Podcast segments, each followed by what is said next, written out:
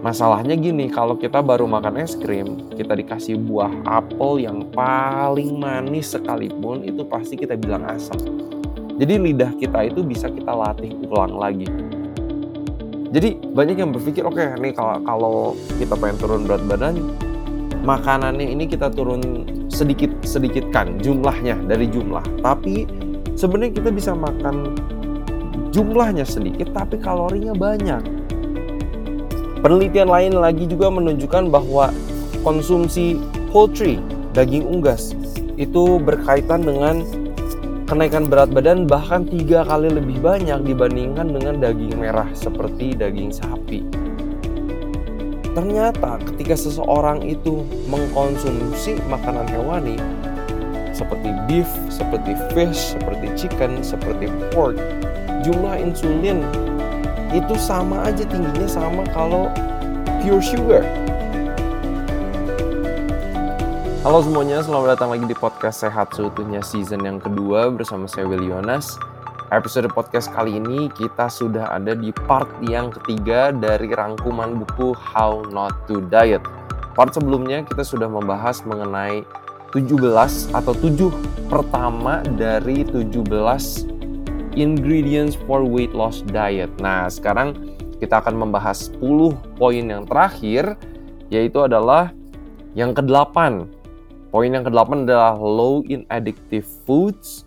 Yang ke-9 itu adalah rendah makanan-makanan yang padat kalori atau low in calorie dense food. Yang ke-10 low in meat atau rendah pada daging. Yang ke-11, low in refined grains. Rendah pada sumber karbohidrat yang olahan. Udah gitu, yang ke-12, low in salt atau rendah garam. Selanjutnya itu adalah rendah insulin indeksnya. Yang selanjutnya adalah microbiome friendly. Artinya itu bersahabat nih sama mikrobiota usus yang ada di organ-organ pencernaan kita. Lalu yang selanjutnya adalah banyak asupan sayur dan buahnya. Lalu selanjutnya banyak asupan kacang-kacangannya. Ini legumes atau beans ya, bukan nuts. Udah gitu yang terakhir adalah satiating atau memuaskan. Jadi inilah 10 ingredients for weight loss diet yang akan dirangkum oleh saya dari buku How Not to Diet. Jadi kita langsung aja ke yang ke-8 yaitu low in addictive foods, rendah pada makanan-makanan yang membuat kita itu ketagihan. Jadi, kalau kita ngomongin soal tubuh kita, sebenarnya didesain Tuhan itu keren banget. Kenapa? Karena memang di dalam sistem tubuh kita itu ada reward system. Apa artinya? Reward system adalah ada sistem hormon-hormon yang membuat kita memang feels good, ya kan? Merasa kita dikasihi orang, kita berasa bahagia, itu ada hormon kayak dopamin, ada hormon oksitosin, ada hormon serotonin, ada endorphins um, yang memang natural diciptakan oleh sang pencipta. Nah, tapi yang terjadi adalah ketika ada terlalu banyak dopamin, ya, itu bisa membawa kita kepada overeating. Ah, ini ada penelitian-penelitian yang cukup menarik yang dikutip di buku How Not to Diet ini adalah ketika orang, otak orang ini di-scan. Jadi mereka dimasukkan ke mesin scan, kemungkinan besar ini MRI ya. Uh, lalu dikasih makanan-makanan tertentu. Terus pengen dilihat nih, ada nggak sih efeknya terhadap hormon dopamin? Karena hormon dopamin itu paling banyak diproduksi ketika kita makan makanan yang tinggi garam, gula, dan lemak. Nah, menarik adalah area otak itu menjadi aktif. Ada area otak yang menjadi aktif ketika kita itu mencium wangi atau bau kayak keripik kentang, es krim, roast beef, um, sama alkohol. Ya, jadi uh, kita sudah melihat nih sejauh ini yang terjadi di otak kita ketika kita mencium, memakan makanan yang biasanya tinggi garam, tinggi gula, tinggi lemak, itu ada bagian otak yang aktif sehingga hormon dopamin itu lebih banyak diproduksi. Makanya kita menjadi lebih ketagihan. Nah, banyak yang masih bertanya juga adalah gula atau lemak nih yang lebih nggak baik gitu kan karena uh, banyak orang yang kayak oh pokoknya karbohidrat itu itu nggak bagus gitu kan gula tapi sejauh ini ditemukan efeknya itu mirip orang dikasih yogurt dengan butter fat ya lemak dari butter um, dalam 30 menit itu ada efek di otak yang sama kalau orang-orang itu juga dikasih gula jadi mau itu tinggi lemak mau itu tinggi gula efeknya sejauh ini sama apalagi kalau campuran dari gula plus lemak ini yang akan bikin makin ketagihan lagi. Kalau kita lihat dari makanan-makanan yang alami, yang natural, ada nggak sih makanan yang tinggi gula, tapi pada waktu yang sama itu juga tinggi lemak? Jawabannya nggak ada. Kalau kita lihat buah, buah oke okay, gulanya, karbohidratnya banyak, tapi nggak tinggi lemak. Kacang-kacangan, nuts, kayak kacang mede, kacang almond, tinggi lemaknya tapi nggak tinggi gula satu-satunya makanan yang tinggi gula dan tinggi lemak adalah ASI, air susu ibu. Makanya kenapa mungkin bayi-bayi juga ketagihan. Karena memang itu makanan mereka, tapi itu juga merupakan uh, source, sumber makanan yang tinggi lemak dan tinggi gula pada waktu yang bersamaan.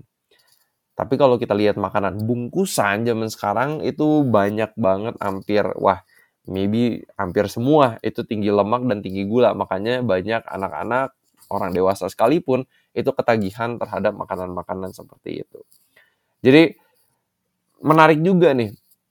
Uh, teman-teman mungkin tahu trail mix ya.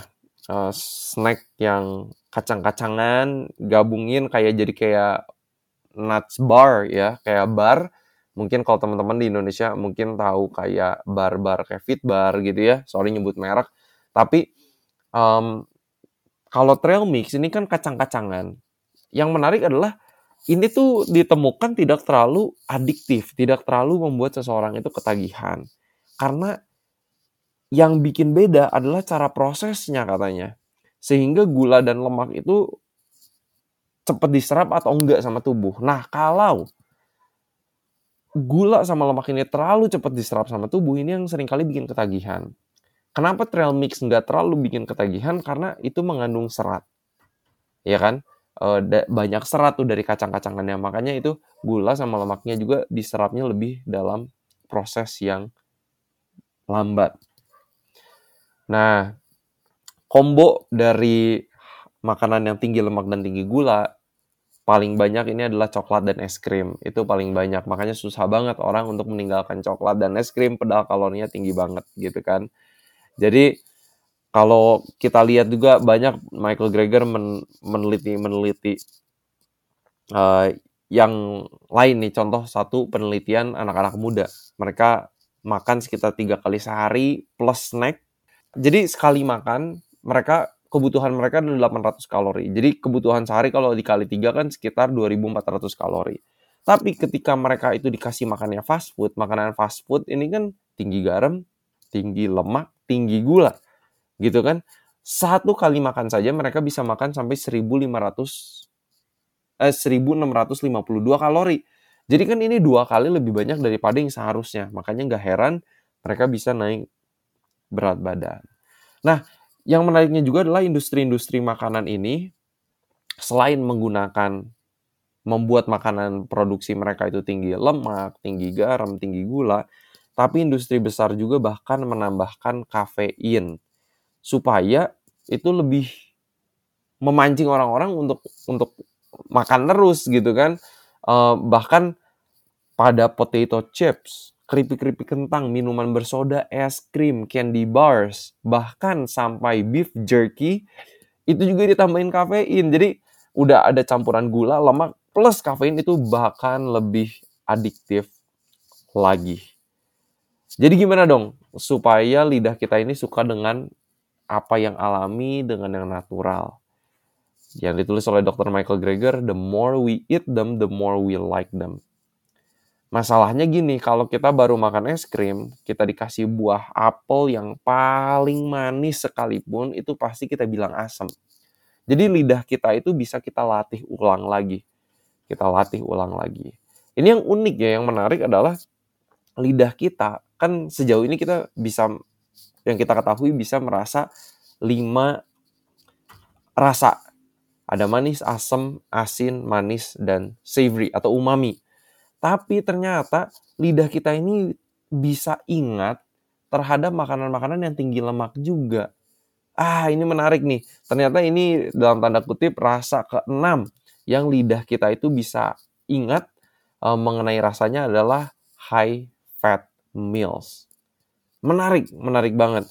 Tapi hope-nya ada, harapannya ada buat kita semua karena sel-sel lidah kita itu diperbaharui setiap 250 jam atau sekitar 10 hari sekali. Jadi ini ada harapannya untuk ngajarin lagi lidah kita supaya menyukai makanan-makanan yang alami. Itu yang kedelapan. Jadi kalau kita mau turun berat badan, salah satu syarat pola makannya yang kedelapan adalah rendah dari makanan-makanan yang adiktif, yaitu sering kali makanan bungkusan. Oke, sekarang yang kesembilan. Ciri yang kesembilan adalah low in calorie density atau rendah makanan yang padat kalori.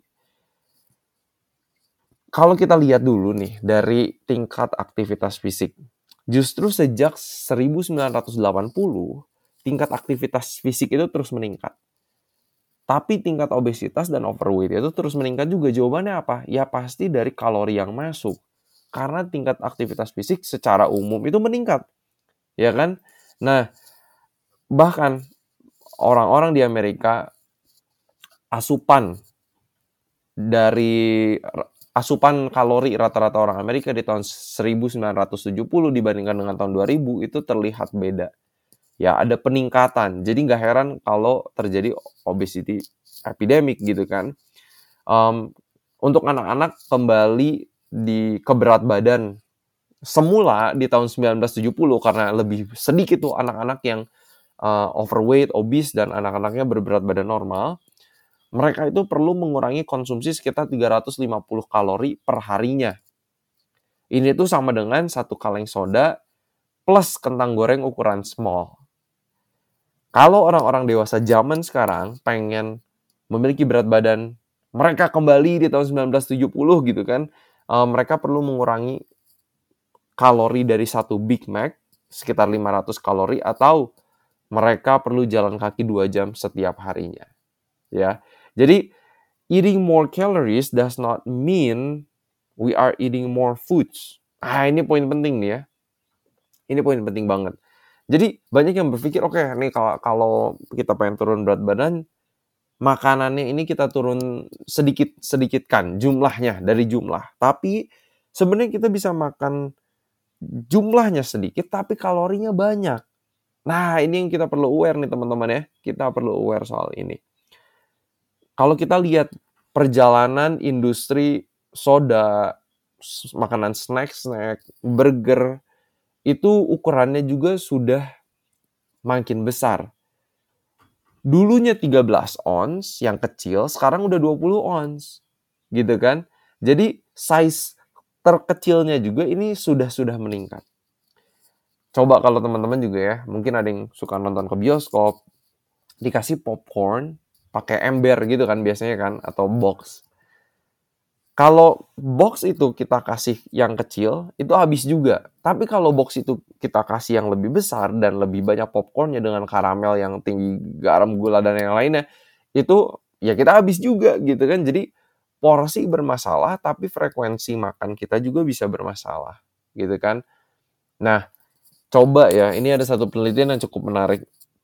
Uh, kalau ngomongin soal kepadatan kalori. Sekali lagi kita, kita ngomongin kepadatan kalori pizza ditaruh ditaruh keju uh, yang ditaruh keju gitu kan ini kan sangat normal ya kalau di Amerika atau di Indonesia sekalipun sekarang.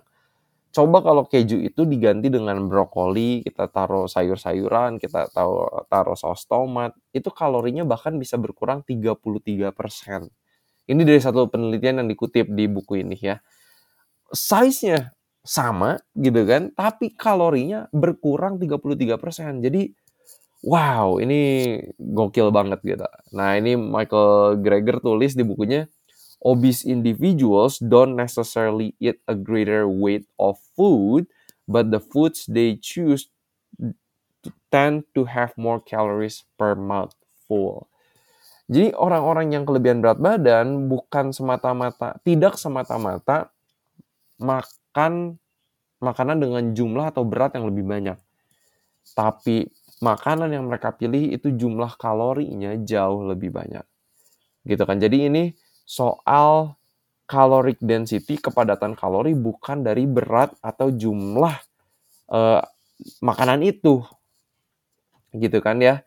Jadi contoh ini yang biar kita kebayang juga satu sendok makan minyak itu sekitar ada 120 kalori. Tapi kalau kita mau makan 120 kalori ini dari blueberry itu kita harus makan 2 cup.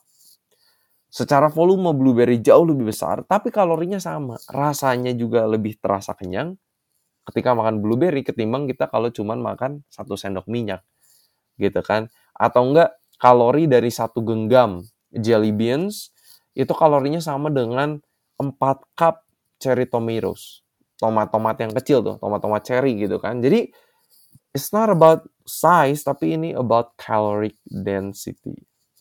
Ini ada satu quotation yang menarik yang kayaknya relatable banget juga uh, buat orang Indonesia.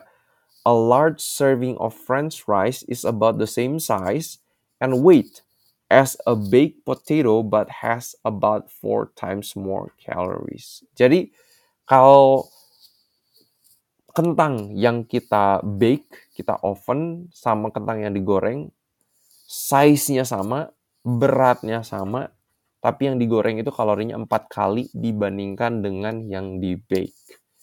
Jadi ini nih konsep yang Michael Greger itu pengen bawa. Ya. Ini ini penting banget, teman-teman. Jadi pesannya ini sebenarnya bukan eat less. Bukan makan lebih sedikit, sesedikit mungkin gitu, bukan. Tapi kita pilih makanan yang lebih rendah kalori tapi bikin kita kenyang. Oke. Nah, itu memang jatuh kepada makanan-makanan nabati yang alami. Gitu kan? Makanan-makanan nabati yang alami. Oke, mengenai caloric density ini ada juga banyak yang tanya mengenai bagaimana dengan nuts and seeds atau biji-bijian dan kacang-kacangan. Ini kayak almond, mede, pistachio, walnut ini kan tergolong dengan makanan-makanan yang tinggi kalori juga gitu. Kalau teman-teman lihat berat 100 gram kalorinya berapa itu itu banyak gitu. Tapi yang ditemukan penelitian-penelitian mengenai nuts ini walaupun tinggi kalori tapi mereka ini sangat mengurangi resiko-resiko penyakit tidak menular. Penyakit jantung, stroke, hipertensi, diabetes itu bisa berkurang resikonya karena makan nuts secara rutin. Yang menarik adalah sejauh ini yang dilihat dari jumlah kalori nuts, misalnya kita makan satu genggam gitu kan, itu seki, hanya sekitar 80% kalorinya itu yang diserap. Sedangkan 20 persennya itu terbuang. Ini salah satunya adalah andil dari serat itu sendiri.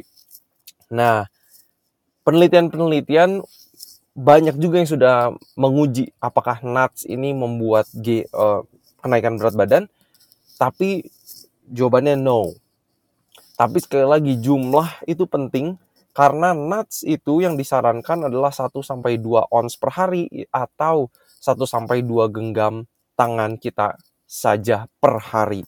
Jadi tidak disarankan juga kalau misalnya kita lagi nonton sepak bola, nonton bulu tangkis gitu kan sambil ngambil kacang, itu tidak disarankan. Oke, itu yang ke-9. Yang ke-10 itu low in meat atau rendah daging gitu kan, rendah asupan dari makanan hewani. Penelitian menunjukkan orang-orang yang mengkonsumsi daging bertahun-tahun, lemak perutnya itu lebih banyak dibandingkan dengan yang tidak. Bukan cuma lemak keseluruhan saja, tapi secara spesifik ini lemak perut atau visceral fat. Nah, ini dibilang penelitian lain menunjukkan bahwa kalau kita makan daging 5 ons aja satu hari, itu kita memiliki resiko 8 kali lebih tinggi resikonya untuk abdominal obesity atau lemak perutnya ini banyak. Dibandingkan dengan orang-orang yang hanya mengkonsumsi daging satu ons satu harinya. Oke, mungkin ada yang mulai bertanya nih, ini daging merah atau daging putih? Apakah daging putih itu lebih baik gitu kan? Um, ini ada kutipan yang aku mau bacain dari buku How Not to Diet ini. The odds of obesity may increase by 18% for every 1% increase in calorie from red meat, poultry, fish, or shellfish. Jadi, resiko naik 18% dari setiap 1% kalori itu datangnya dari makanan hewani atau daging ini ya. Red meat, poultry, termasuk daging putih ya kan seperti ayam, turkey, eh, bahkan ikan dan juga shellfish. Penelitian yang besar di dunia salah satunya adalah Epic Study. Mereka pengen itu itu menarik ya penelitiannya itu ada semua kelompok uh, gaya makan semua orang ada non vegetarian, semi vegetarian, pesco vegetarian, lacto vegetarian dan vegan ketika mereka membandingkan ya orang-orang yang makan daging dengan yang tidak, mereka ini yang mereka temukan. Sekalipun mereka mengkonsumsi kalori yang sama, misalnya orang yang makan daging makan 1800 kalori, yang tidak makan daging itu 1800 kalori juga, tetap aja yang makan daging itu berat badannya lebih walaupun kalorinya sama nih. Gitu hitung-hitungannya sama semua nih. Dan yang lebih mengagetkannya lagi adalah mereka kaget bahwa poultry, daging putih seperti daging ayam, appear to be the most fattening. Wow, ini ini ini cukup menarik karena banyak orang yang berpikir daging putih lebih baik, tapi dari penelitian Epic ini menunjukkan justru daging putih, daging unggas itu yang paling mempunyai efek uh, menaikkan berat badan. Jadi dari penelitiannya aja mereka ini saya kutip mereka bilang our results are therefore in favor of the public health recommendation to decrease meat consumption for health improvement. Wow, mind blowing sekali lagi mind blowing. Penelitian lain lagi juga menunjukkan bahwa konsumsi poultry, daging unggas, itu berkaitan dengan kenaikan berat badan bahkan tiga kali lebih banyak dibandingkan dengan daging merah seperti daging sapi. So, ini cukup menarik ya, teman-teman cukup menarik banget. Jadi, itu simpelnya mengenai daging. Sekalipun orang vegan, orang yang masih makan daging, kalorinya sama, tapi lebih fattening. Dan ini salah satunya adalah dari saturated fatnya, lemak jenuh yang ada di makanan hewani. So, um, low in meat ini karakteristik yang ke-10. Yang ke-11 yang disiaringkan oleh Dr. Michael Greger adalah low in refined grains. Jadi syarat pola makan untuk membawa kita ke berat badan yang lebih rendah atau yang ideal adalah rendah dari sumber karbohidrat yang uh, sederhana. Ya, banyak nih orang yang masih menyalahkan karbohidrat. Oh iya, karbohidrat bikin kita gemuk gitu kan. Tapi sumber itu penting, ya sumbernya dari mana? Karena efeknya itu akan berbeda. Contoh aja, kacang hijau gitu kan atau lentils, kacang merah. Mereka mengandung karbohidrat, tapi apakah itu sama efeknya sama kalau kita makan permen? Nah, ini kan ini pertanyaan yang lebih baik. Jadi bukan cuma ngomongin soal karbohidrat tapi sumbernya dari mana karena kalau di Amerika sendiri sumber-sumber karbohidrat yang paling banyak dimakan dikonsumsi oleh masyarakat Amerika adalah dari roti putih sampai ke soda gitu kan itu semua berkarbohidrat kue-kue cookies-cookies yang semuanya terbuat dari tepung yang adalah sumber karbohidrat sederhana bukan yang kompleks jadi ini bukan berarti kita low carb diet ya.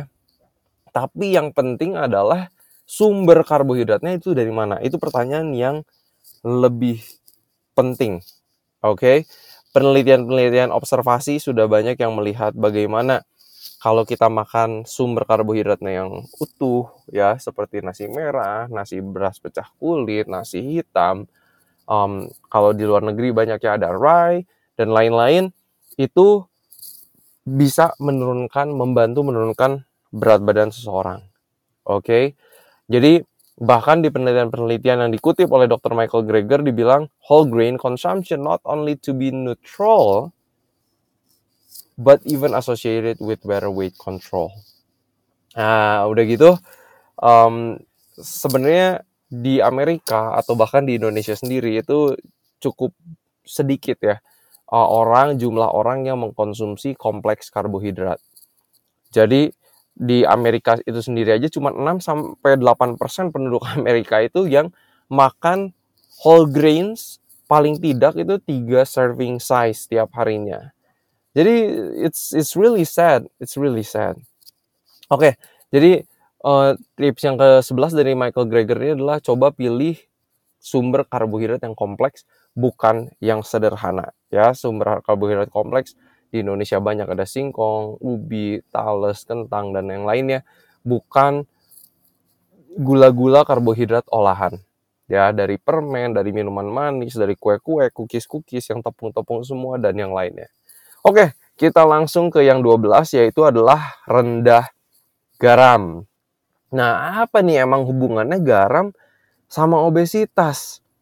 Kalau kita lihat dari konsum jumlah konsumsi garam dari orang-orang zaman sekarang itu kira-kira bisa sampai 10 kali lipat lebih banyak dari apa yang dibutuhkan oleh tubuh.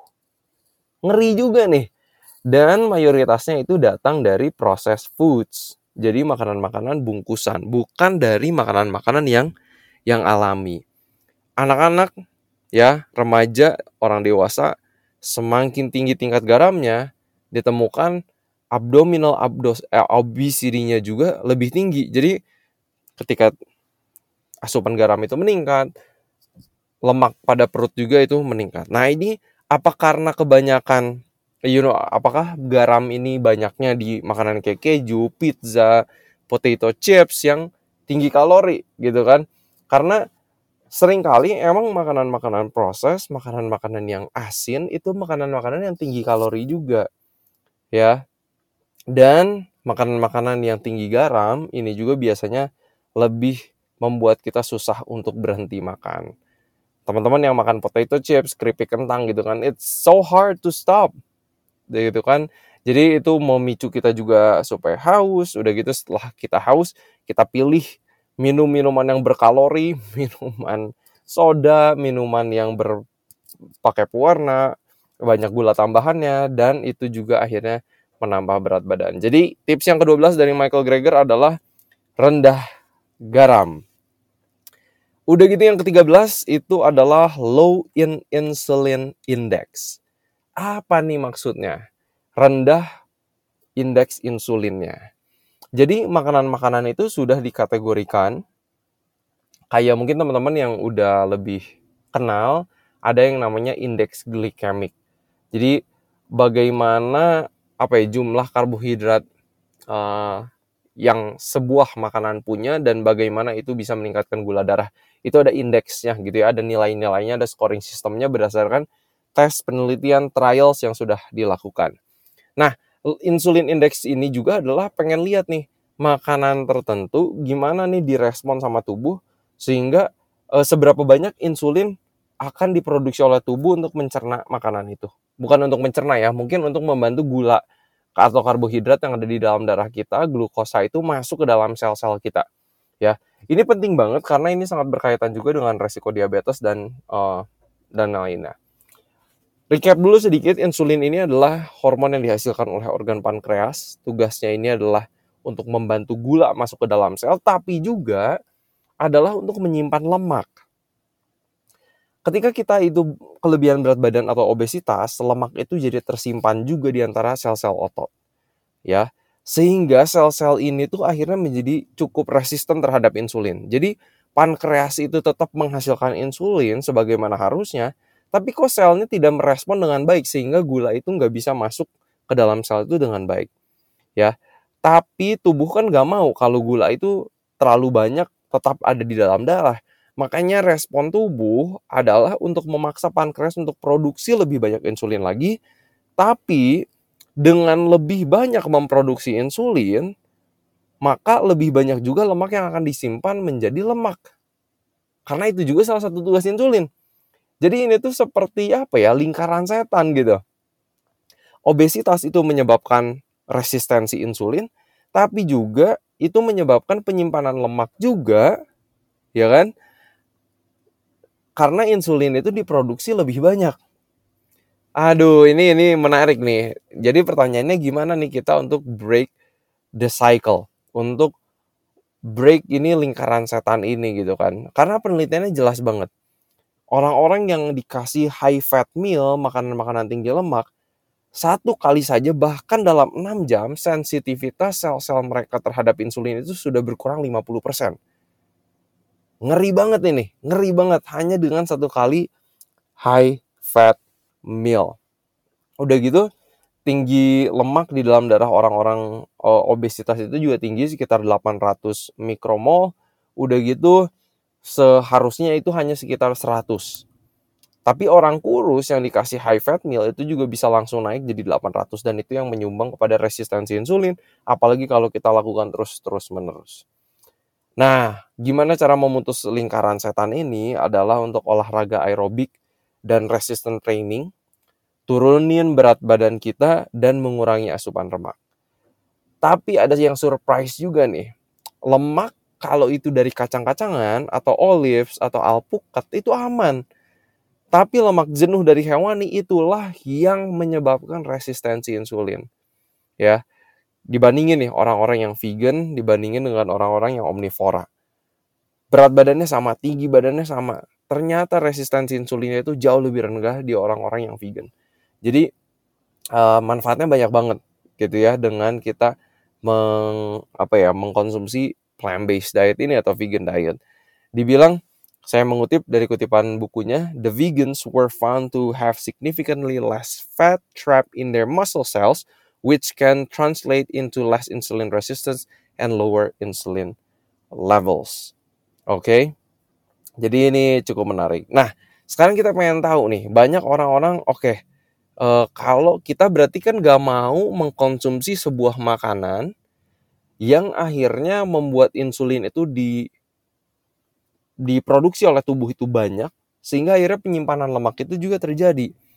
Makanya banyak orang yang berpikir oke okay, kita mau makan low karbo.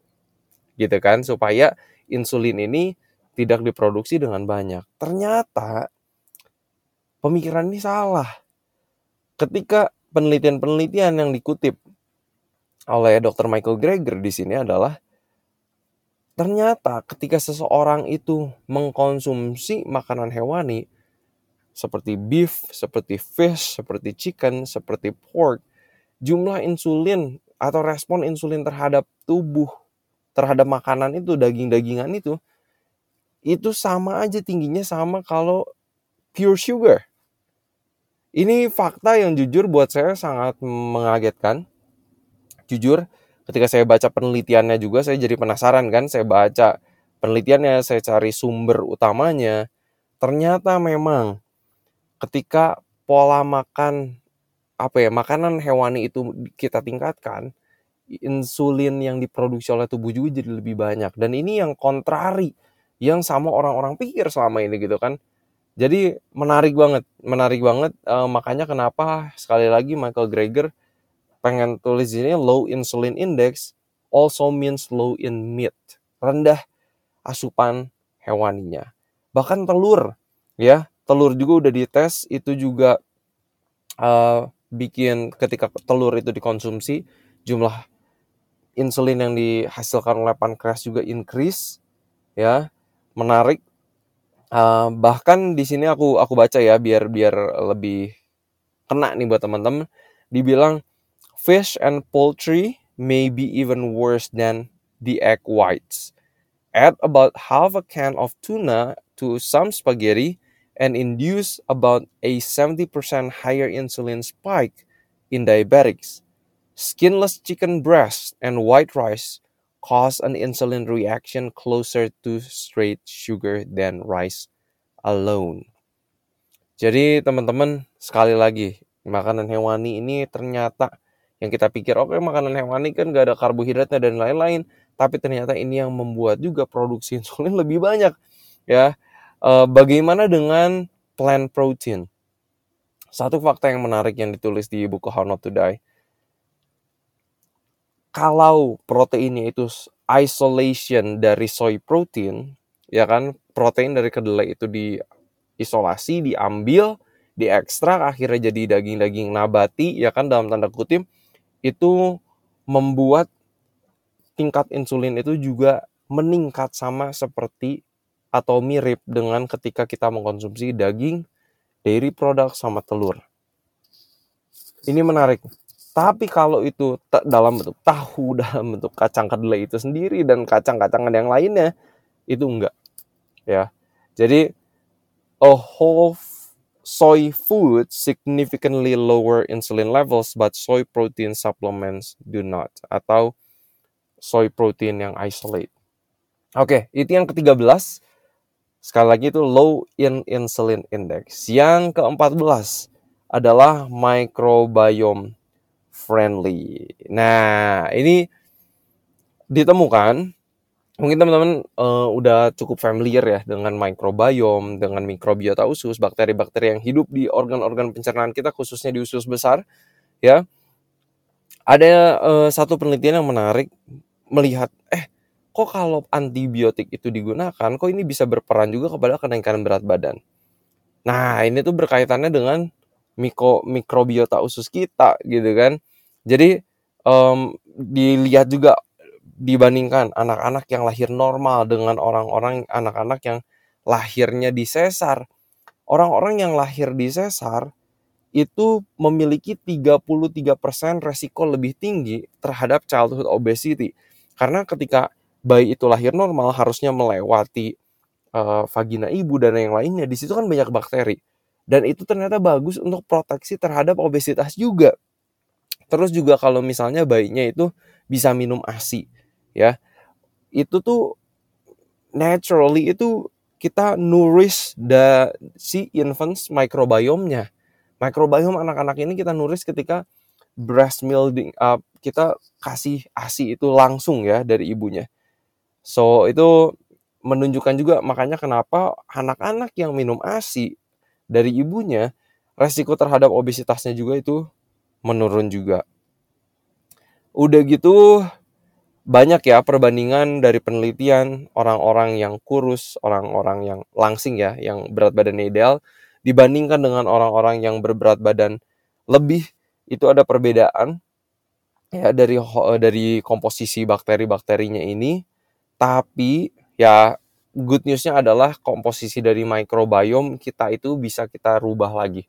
Kita bisa modifikasi lagi dengan makanan serat ya ini banyak grup-grup uh, bakterinya ada Prevotella, Bacteroidetes, ada Firmicutes um, teman-teman gak usah uh, apal itu semua tapi pokoknya pola makan nabati yang berserat itulah yang menjadi makanan dari gut microbiome kita. Ya. Nah, bagaimana kita untuk bisa improve memperbaiki microbial diversity, keragaman uh, mikrobiota usus kita, fiber supplement doesn't work, nggak nggak nggak bermanfaat um, untuk mengimprove richness of the microbiome, tapi ini harus makanan-makanan yang asli makanan-makanan yang nabati yang asli pokoknya ya. Terus bagaimana dengan um, probiotik? Probiotik ini sangat perlu dikonsulkan dulu juga, terutama teman-teman punya kondisi tertentu ke dokter masing-masing. Tapi uh, benefits untuk weight lossnya ini nggak terlalu signifikan juga sejauh yang penelitiannya sudah di, ditemukan ya. Um, karena sejauh ini ini mengenai gut microbiome ini cukup menarik. Kenapa? Karena um, ada perbedaan kan yang ditemukan di keragaman mikrobiota usus orang langsing dengan orang yang gemuk. Salah satu yang udah dicoba adalah fecal transplant atau mendonasikan, mendonorkan uh, pup ke orang tertentu gitu kan. Ini satu kasus yang cukup menarik uh, seorang perempuan umur 32 tahun selalu punya berat badan yang normal, tapi dia akhirnya menerima fecal transplant ini dari orang sehat tapi overweight, yaitu adalah anaknya sendiri, anaknya perempuan. Dan yang menarik adalah pasien ini tiba-tiba kok jadi jadi naik berat badannya udah gitu jadi overweight karena setelah fecal transplant ini dia tetap makannya sama dan lain-lain tapi dia nambah lebih dari 40 pounds atau sekitar hampir 20 kilo. Wow, dari BMI-nya 26 ya, eh, akhirnya dia ke BMI 34,5. Dan dia bilang She said she felt like there was a switch inside her body. No matter how much she ate or exercised, she couldn't take the weight off. She was very frustrated. Jadi ini menarik nih. Um, memang mikrobiota khusus ini pengaruhnya ternyata lumayan. Walaupun ini sekali lagi hanya di satu kasus, lebih banyak lagi yang perlu diteliti. Tapi konklusinya adalah tadi we recommend selecting non-overweight donors. Um, ini belum jadi praktek yang mungkin sangat lazim ya di dunia kesehatan, tapi sudah mulai uh, banyak penelitiannya. Tapi sekali lagi, syarat yang ke-14 dari 17 uh, ingredients for weight loss diet dari Dr. Michael Greger adalah microbiome friendly yaitu sebenarnya makanan nabati sekali lagi gitu ya. Oke, yang ke-15 adalah rich in fruits and vegetable. Banyak asupan sayur dan buah. Inilah konsep datang mengenai eat more, way less. Kita bisa makan lebih banyak, tapi berat badannya kita lebih rendah. Volumenya lebih banyak, berat badannya lebih rendah. Karena kenapa? Buah-buahan, sayur-sayuran, itu kalorinya rendah. Dan udah gitu juga mereka protektif terhadap penyakit jantung, kanker, hipertensi, diabetes, dan dan banyak banget yang lainnya. Ini penelitian menunjukkan orang-orang yang banyak makan sayur dan buahnya itu memiliki 17% resiko yang lebih rendah terhadap kenaikan berat badan atau obesitas.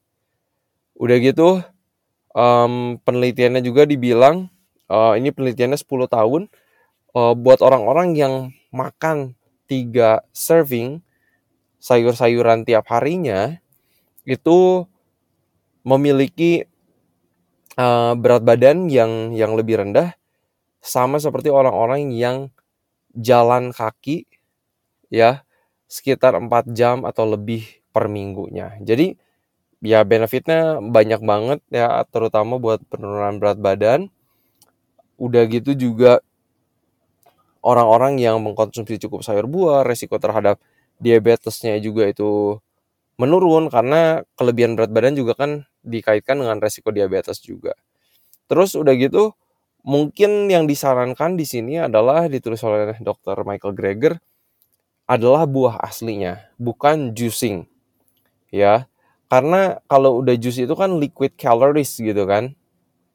Uh, liquid calories. Jadi cairan kita minumnya tuh cepet banget tapi udah gitu juga nggak terlalu terpuaskan gitu kita dibilang less satiating nggak terlalu terpuaskan kita kalau minum jus dibandingkan kalau kita ngunyah ngunyah makanan makanan e, buah itu sendiri gitu ya jadi tapi mungkin ada yang bertanya juga gitu e, di buku ini ditulis sayur buah membuat kita makan kalori dari makanan-makanan yang lain lebih sedikit tapi ada penelitian yang menunjukkan jumlah kalori yang dimakannya sama tapi diganti oleh sayur dan buah. Kok berat badan itu tetap turun? Gitu kan? Nah, ini ada konsep yang yang menarik. Dibilang kayak gini, aku bacain dalam bahasa Inggris ya karena ini biar lebih gampang gitu, lebih nyampe menyampaikannya dibilang in foods there are intracellular calories and extracellular calories. In other words, calories that are confined inside cells and calories that are free to be absorbed directly. Processed plant foods like fruit juice, refined grains, and sugar are letting it hang out, and their calories are free for the taking. In contrast, all the calories in whole plant foods are not only trapped inside cells, they are also trapped inside cell walls. Our bodies do their best to chew through those walls literally to get all the goodness inside, but in the end, it's not about what we eat, but what we absorb. Jadi ini kayaknya nggak semua kalori yang ada di sayur-sayur dan buah-buahan itu terserap oleh karena yaitu ada intracellular calories ya kalori yang ada di dalam dalam sel sama extracellular calories yang kalori yang ada di luar-luar sel. Ya ini cukup menarik juga faktanya nih. Sangat sangat um, menarik. So sekali lagi lebih baik ya ngunyah buah. Nggak ada salahnya sebenarnya ngejus tapi uh, akan lebih beneficial, akan lebih mengenyangkan, memuaskan buat orang-orang yang struggle dengan berat badan mereka dan pengen turun berat badan. Oke, yang ke-16, kedua terakhir adalah rich in legumes. Tinggi asupan polong-polongan. Orang-orang yang mengkonsumsi legume secara rutin itu didapati memiliki lingkar perut yang lebih kecil, berat badan yang lebih ringan. Uh, mengenai ini, ini dikasih istilah Hispanic Paradox. Kalau teman-teman tahu, orang-orang Hispanic, Amerika Latin, itu mereka banyak makan legumes. Banyak makan beans, polong-polongan, kacang merah, kacang hitam uh, kacang lentils, terus juga chickpeas dan lain-lain itu bagian dari kultur mereka banget gitu kan. Dan orang-orang Hispanic ini memiliki 24 resiko kematian yang lebih rendah. Ya, kematian dari penyakit jantung, kanker, di sekalipun tingkat edukasi mereka, ilmu kesehatan mereka, tingkat kepemilikan asuransi itu juga jauh lebih rendah gitu di di antara mereka. Ya, tingkat ekonomi mereka nggak terlalu bagus dan edukasi juga karena itu kan sangat berkaitan juga dengan kesehatan seseorang. Ya. Bean consumption ini atau legumes ini polong-polongan itu berkaitan dengan jumlah lemak jenuh yang lebih rendah yang dikonsumsi kalori yang datangnya sekali lagi dari makanan hewani gitu kan. Dan penelitian lainnya beans menunjukkan polong-polongan ini bisa menurunkan kadar kolesterol, eh, bermanfaat juga untuk menurunkan kadar gula darah dan juga menurunkan tingkat insulin juga yang diperlukan oleh tubuh kita. Beans, legumes ini juga membuat kita kenyang untuk periode waktu yang cukup lama, kita terpuaskan karena tinggi seratnya. Coba bayangin aja, ini satu ilustrasi yang dibagikan. Kalau kita makan satu cup kacang Arab, kacang chickpeas gitu kan, itu akan jauh lebih kenyang dibandingkan kalau kita makan dua uh, slice roti putih yang itu bisa kita squeeze kita pencet paling gedenya cuma sampai segepal tangan gitu kan. Uh, mungkin size-nya sama gitu sama satu cup chickpeas tapi rasa kenyangnya itu jauh sangat berbeda dan itu yang membuat kita juga kalau kita kenyang lebih lama ya kita nggak nyari makanan. Kita nggak makan cari-cari makanan yang yang lainnya juga. Udah gitu juga beans ini Menariknya sekali lagi 20% dari beans itu terbuat dari pati atau starch itu nggak bisa dicerna. Jadi kalorinya kemungkinan itu lebih rendah dari apa yang tertulis. Jadi kalau misalnya satu cups uh, chickpeas itu misalnya 200 kalori, 20 persennya itu kira-kira berarti yang kita bisa serap itu hanya sekitar 160 kalori. Jadi it's beneficial untuk menjaga berat badan kita itu tetap stabil atau juga bisa turun oleh karena itu. Nah, kalau soal beans, legumes, ada juga orang-orang yang takut dengan yang namanya lectin yang ada di beansnya itu. Tapi semua itu bisa hilang kalau itu sudah kita rendam, udah kita masak. Kan nggak ada gitu yang makan kacang merah atau kacang hijau, lentils mentah gitu kan. Memang itu mengandung lectin ketika itu e, masih mentah. Tapi kalau udah direndam, dimasak itu nggak nggak ada masalah sama sekali. Ya, udah nggak ada masalah sama sekali. Lagian buat orang-orang yang takut lectin karena itu bisa berkontribusi kepada peradangan di tubuh kita, tapi justru orang-orang yang mengkonsumsi beans atau legumes ini justru tingkat inflamasi atau peradangannya yang dinilai dari si reaktif protein salah satu tes laboratoriumnya justru malah malah berkurang. Oke, itu yang ke-16. Yang terakhir, we have come to the end syarat terakhir untuk memiliki pola makan yang membuat kita memiliki berat badan yang ideal atau turun itu adalah satiating atau itu tuh harus memuaskan. Ya, banyak orang-orang yang pengen turun berat badan, makannya di sedikit-sedikitin, mereka juga melihat makanan itu jadi apa ya, tidak memanggil, mengundang rasa lapar gitu kan, um, mengundang rasa puas, mereka nggak ngerasa kenyang, mereka lapar terus, kasihan. Jadi syarat yang terakhir yang Michael Greger bilang ini harus satiating. Karena sekali lagi makanan nabati kalau kita fokus sama makanan nabati mereka itu memiliki serat itu yang membuat kita kenyang, membuat kita puas kalau setelah kita makan. Kalau kita bandingkan dengan standard American diet, makanan mereka itu kurang serat, makanya kita nggak kenyang-kenyang, tapi kalorinya banyak. Nah itu yang jadi masalah. Itu juga yang masalah dengan makanan-makanan bungkusan. Semua bisa aja menderita dengan kelaparan dan jadi langsing atau kurus. Bisa. Tapi siapa yang mau kayak gitu terus? Iya nggak sih? Dan mau berapa lama kita kayak gitu? Kita pengen membuat sebuah pola makan yang kita bisa adaptasi untuk long term, untuk jangka panjang. Karena kalau misalnya kita sengaja lapar-laparin diri gitu kan, yes berat badan bisa turun, tapi kita menderita juga setengah mati gitu kan.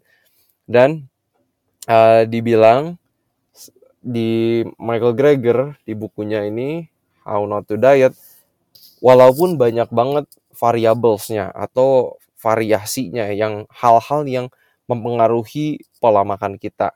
Ya apa yang kita makan dan berapa banyak ada psikologi itu bisa mempengaruhi orang-orang yang lagi stres lagi depresi mereka bisa jadi mau makan banyak atau nggak mau makan. Udah gitu juga kehidupan sosial kultur kita masing-masing estetika makanan itu sendiri. Wah dan banyak banget faktor yang lainnya yang perlu kita perhatikan jadi uh, banyak faktornya, gak gampang kita bilang kayak gini, ya kan? Dan juga kalau misalnya orang-orang yang struggle dengan overeating, kelebihan makan gitu kan sebenarnya uh, kalau kita overeating tuh sebenarnya perut juga rasa nggak enak ya. Jadi nggak satiating juga, tapi kayak mungkin kita ngerasa terpuaskan tapi abis itu kita nyesel gitu kan. Uh, dibilang di bagian yang ke-17 ini Overeating appear to be a function of the meaning people attach to food beyond its use as fuel, whether as a source of pleasure or perhaps relief from boredom or stress. Jadi orang-orang yang biasanya kelebihan makannya itu bukan melihat makanan lagi tuh sebagai kayak bensin, sebagai sumber energi buat kita, tapi ngelihatnya itu sebagai pleasure atau enggak relief dari kebosanan atau dari stres. Dan itu juga faktor psikologi yang perlu kita perhatikan juga ya. Uh, kalau ada yang struggle ya uh, perlu ya cari tenaga profesional juga uh, terhadap itu. Jadi kalau Michael Greger juga kasih tips ini kalau makanan itu banyak opsi kita lagi di pesta gitu kan kita lebih uh, kalau kita lebih pilih itu dibandingkan satu jenis makanan yang paling kita suka sekalipun uh, semakin banyak variasi itu cenderung kita makan lebih banyak dan kalorinya juga jadi lebih banyak.